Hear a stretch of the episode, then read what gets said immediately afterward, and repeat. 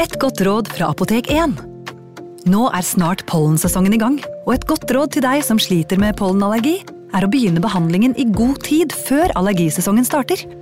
Da får du nemlig enda bedre effekt av legemidlene, og så blir ikke våren din helt ødelagt. Kom innom og få råd på ditt nærmeste Apotek 1, eller chat med oss på apotek1.no. Apotek 1 vår kunnskap, din trygghet.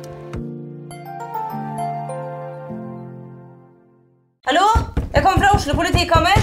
Ine Jansen er purk. Er du purk? The motherfucking bitch. Alt jeg vil, er å finne ut hva som skjedde med mannen min. Jon Carew. Er jeg sikta for noe? Iben Akeli. Det er du. Ole So, Lars Berrum og Big Daddy Karsten. Hvem sin side er du på, egentlig? Anette Hoff, Tone Danielsen, Kommer du fra Afrika?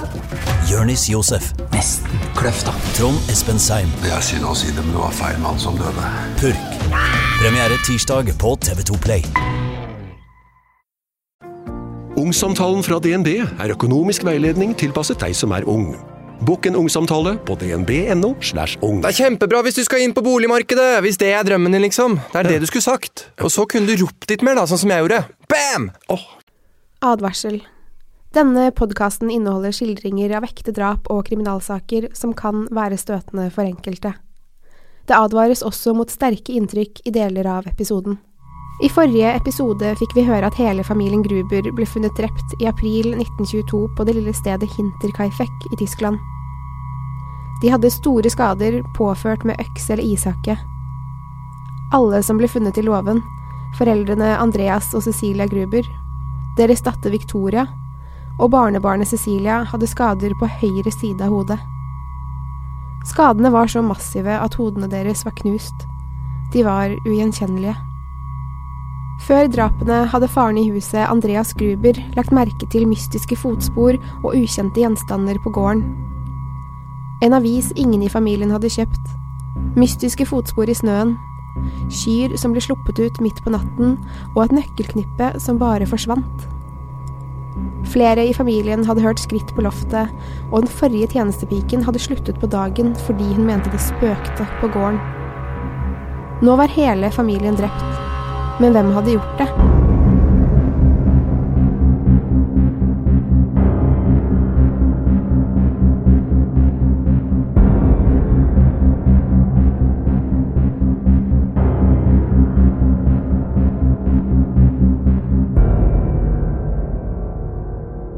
Det verserer mange teorier om hva som skjedde med familien Gruber. Det man vet med sikkerhet, er at de ble drept med øks eller ishakke og plassert på låven.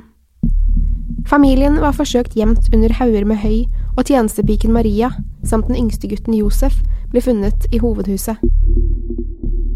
Maria og to år gamle Josef var også drept med slag mot hodet, men ikke på høyre side som resten av familien hadde.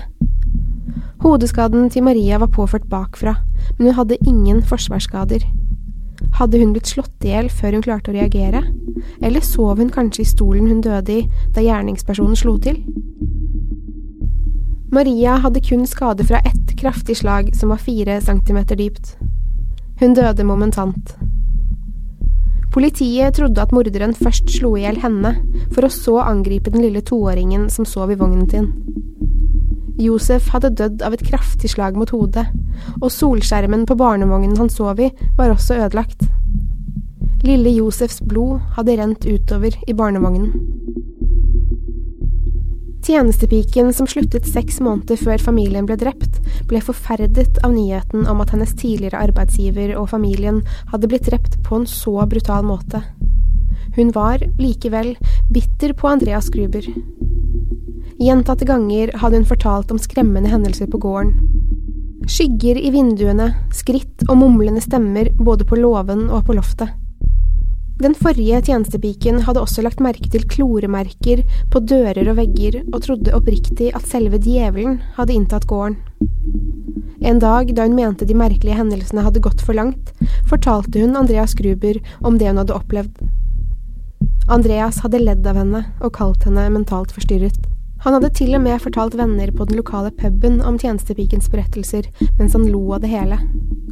Foran andre kalte han henne sinnssyk, og det begynte å gå rykter om at hun var gal.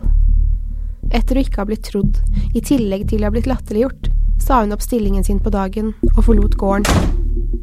Da tjenestepiken, som aldri ble identifisert eller omtalt med navn, hørte om drapene, mente hun at det måtte ha vært spøkelsene som hadde drept familien Gruber. Hun mente fortsatt, mer enn seks måneder senere, at noe ondt bodde der, og fortalte venner at hun ikke ble overrasket over drapene. Vi kan vel legge fra oss teorien om at et spøkelse drepte familien Gruber med øks, men én ting er sikkert. Det hadde vært noen på gården som ikke hørte hjemme der. Var det kanskje den forrige tjenestepiken som hadde tatt hevn? Motivene politiet først jobbet ut fra, var annet ran, innbrudd og sjalusi. Det at motivet for drapene var innbrudd og ran, ble raskt sjekket av politiet. Familien Gruber var på ingen måte rike, men de var den familien i området som hadde mest penger. Andreas Gruber hadde, ifølge folk på den lokale puben inne i byen, og til naboer, skrytt at han hadde store summer kontanter liggende på gården. Han hadde sagt at både hans kone og datter hadde dyre klær og smykker. Det viste seg i forbindelse med etterforskningen at familien Gruber ikke var så rike som Andreas skulle ha det til. De hadde opparbeidet seg nok penger til å leve komfortabelt, i tillegg til å ha råd til tjenestepiker. Kunne en av naboene ha bestemt seg for å rane familien Gruber for pengene deres? Eller kanskje en omstreifer hadde fått vite om Grubers forsiktige formue og reist i gården for å stjele fra dem? Teorien om ran og innbrudd ble relativt raskt avfeid da politiet fant flere, både små og moderate mengder kontanter i huset.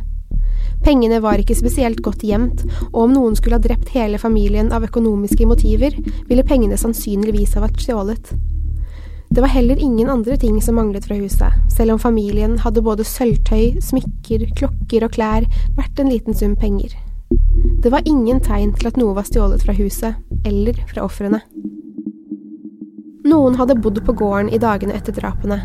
Naboer, postmannen og venner hadde alle lagt merke til at det lyste i vinduene og kom røyk fra skorsteinen. Dette var grunnen til at likene av familien Gruber ble funnet dager etter at de var drept. Det var først da Victoria ikke møtte til korøvelse, og lille Cecilia ikke møtte opp på skolen, at folk reagerte. Lorentz, Victorias ekskjæreste, hadde til slutt samlet en liten gruppe venner og naboer for å sjekke om alt var i orden med dem. Lorentz hadde, som nevnt i forrige episode, et anstrengt forhold til familien Gruber, og tenkte kanskje at hvis han hadde med seg flere til gården, ville de slippe han inn. Lorentz hadde flere ganger uttrykt både sinne og harme over Andreas Gruber, som han mente hadde et seksuelt forhold til datteren Victoria. Han mente det var Andreas som hadde tvunget Victoria til å avslutte forholdet deres. Lorentz hadde mange ganger besøkt gården, full og sint. Var det han som hadde drept familien Gruber? Politiet avhørte Lorentz, som nektet for å ha drept familien. Han sa han aldri ville drept Victoria og de to barna, og han hadde alibi for dagen familien ble drept. Hva dette alibiet var, er ikke nevnt noe sted, men når man går ut ifra at alibiet stemmer, var det altså ikke Lorentz som drepte familien Gruber. Morderen eller morderne hadde laget seg flere måltider i kjøkkenet, fyrt i peisen og matet kyrne. Alt mens en hel familie lå slaktet i låven, og to døde lå i husets andre etasje. Den eller de hadde levd som normalt i en annen families hus. Byen og etter hvert hele Tyskland viste en voldsom interesse for drapssaken, og journalister spekulerte heftig i hva som kunne ha skjedd. Spøkelsesteorien, hvor usannsynlig den enn måtte være, var den som engasjerte folk flest den første tiden, og noen få trodde det kunne være en straff fra Gud som følge av familiens incestuøse fortid. Andre mente at tjenestepiken hadde kommet tilbake for å hevne seg på sin tidligere arbeidsgiver, og at det var hun som hadde stjålet nøklene. Hun kjente familien og deres rutiner godt, men politiet mente at det måtte være noen nærmere familien enn en forsmådd tjenestepike som attpåtil hadde fått seg ny jobb i en annen by. Drapene var utført på en slik måte at politiet etter hvert jobbet ut fra teorien om at motivet for drapene var personlig. Drapene var utført med en voldsom kraft, flere slag og hugg enn det som var nødvendig for å ta livet av dem. Dette kalles overkill, og blir ifølge statistikken gjort i situasjoner hvor offer og gjerningsperson kjenner hverandre og har et følelsesmessig bånd. Det kan f.eks. være kjærlighetsforhold, nære vennskap eller familiære forhold. Hadde familien Gruber, om man så bort fra den forrige tjenestepiken og Victorias ekskjæreste Lorentz, noen med nære bånd som kunne ønsket dem døde? Det er her det begynner å bli interessant. Som nevnt i forrige episode om Hinterkaifek fortalte jeg kort om at Andreas og Cecilias datter Victoria var enke. Mannen hennes, Carl Gabriel, var soldat, og han hadde falt i strid under første verdenskrig. En dag mens Victoria var gravid med datteren Cecilia, fikk hun et brev som informerte om ektemannens død. Han hadde kjempet i krigens frontlinje og blitt drept av fienden.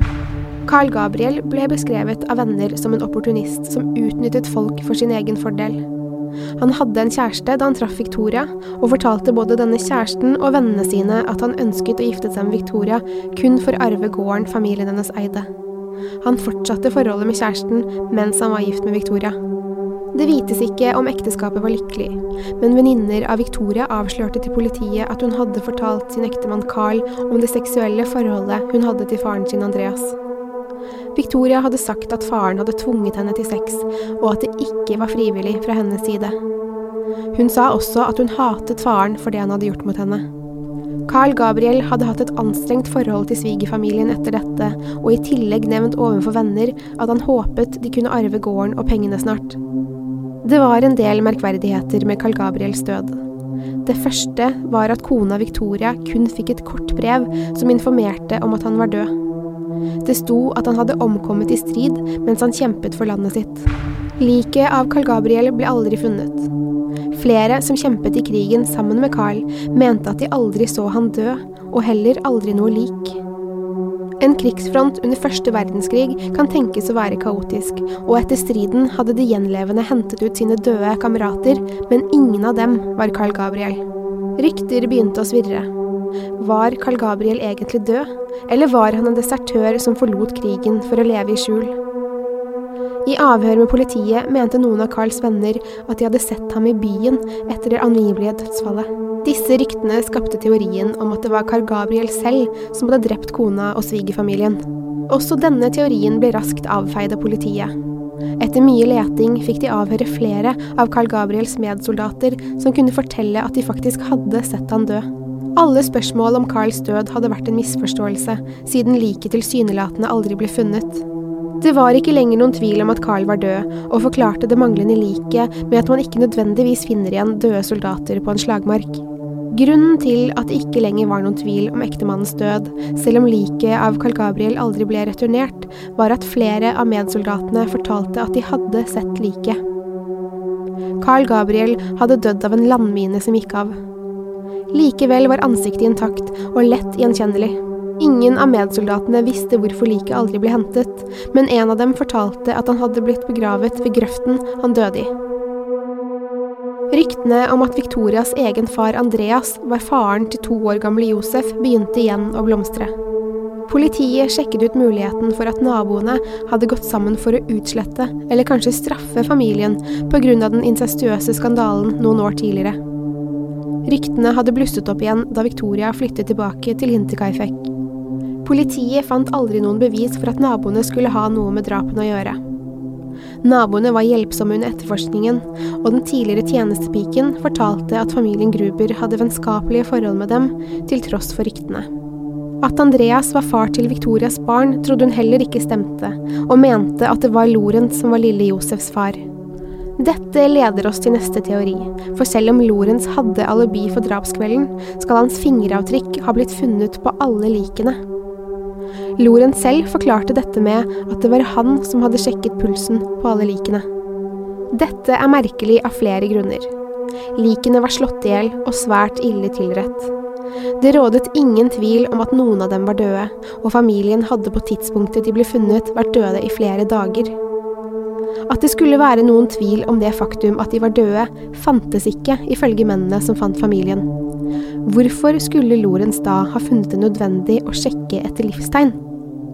Enten kan han ha vært såpass uvitende at han kanskje trodde de levde, eller så kan han ha gått inn i en slags sjokktilstand.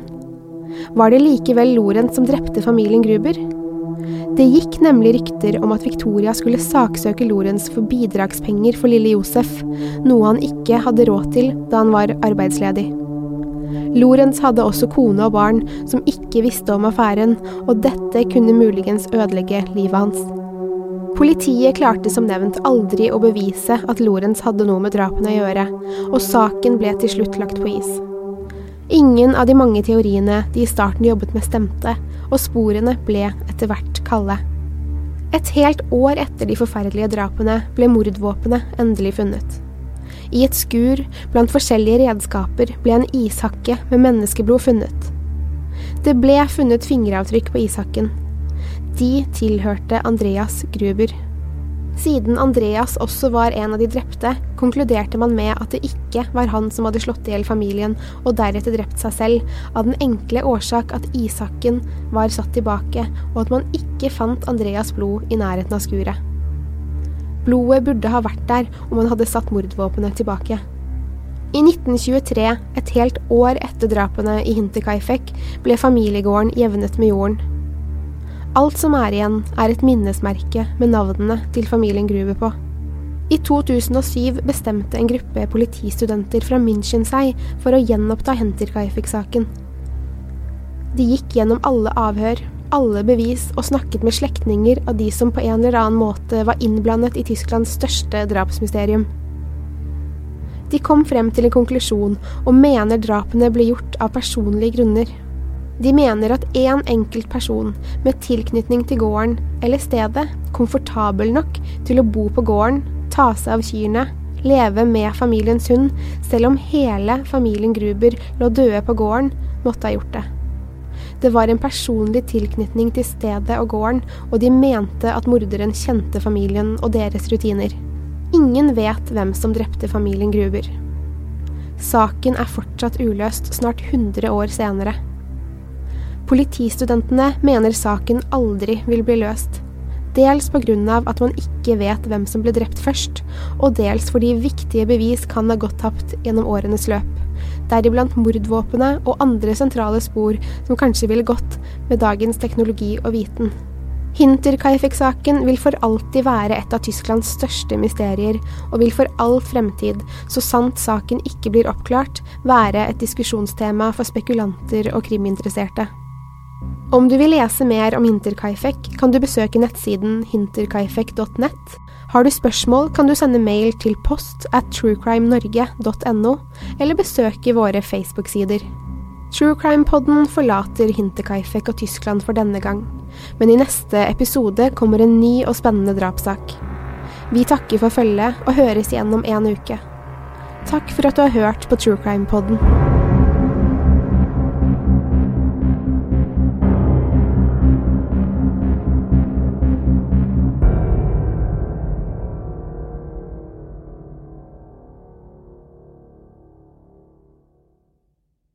Har du et enkeltpersonforetak eller en liten bedrift? Da er du sikkert lei av å høre meg snakke om hvor enkelt det er med kvitteringer og bilag i fiken, så vi eh, gir oss her, vi. Fordi vi liker enkelt. Fiken superenkelt regnskap. Hei!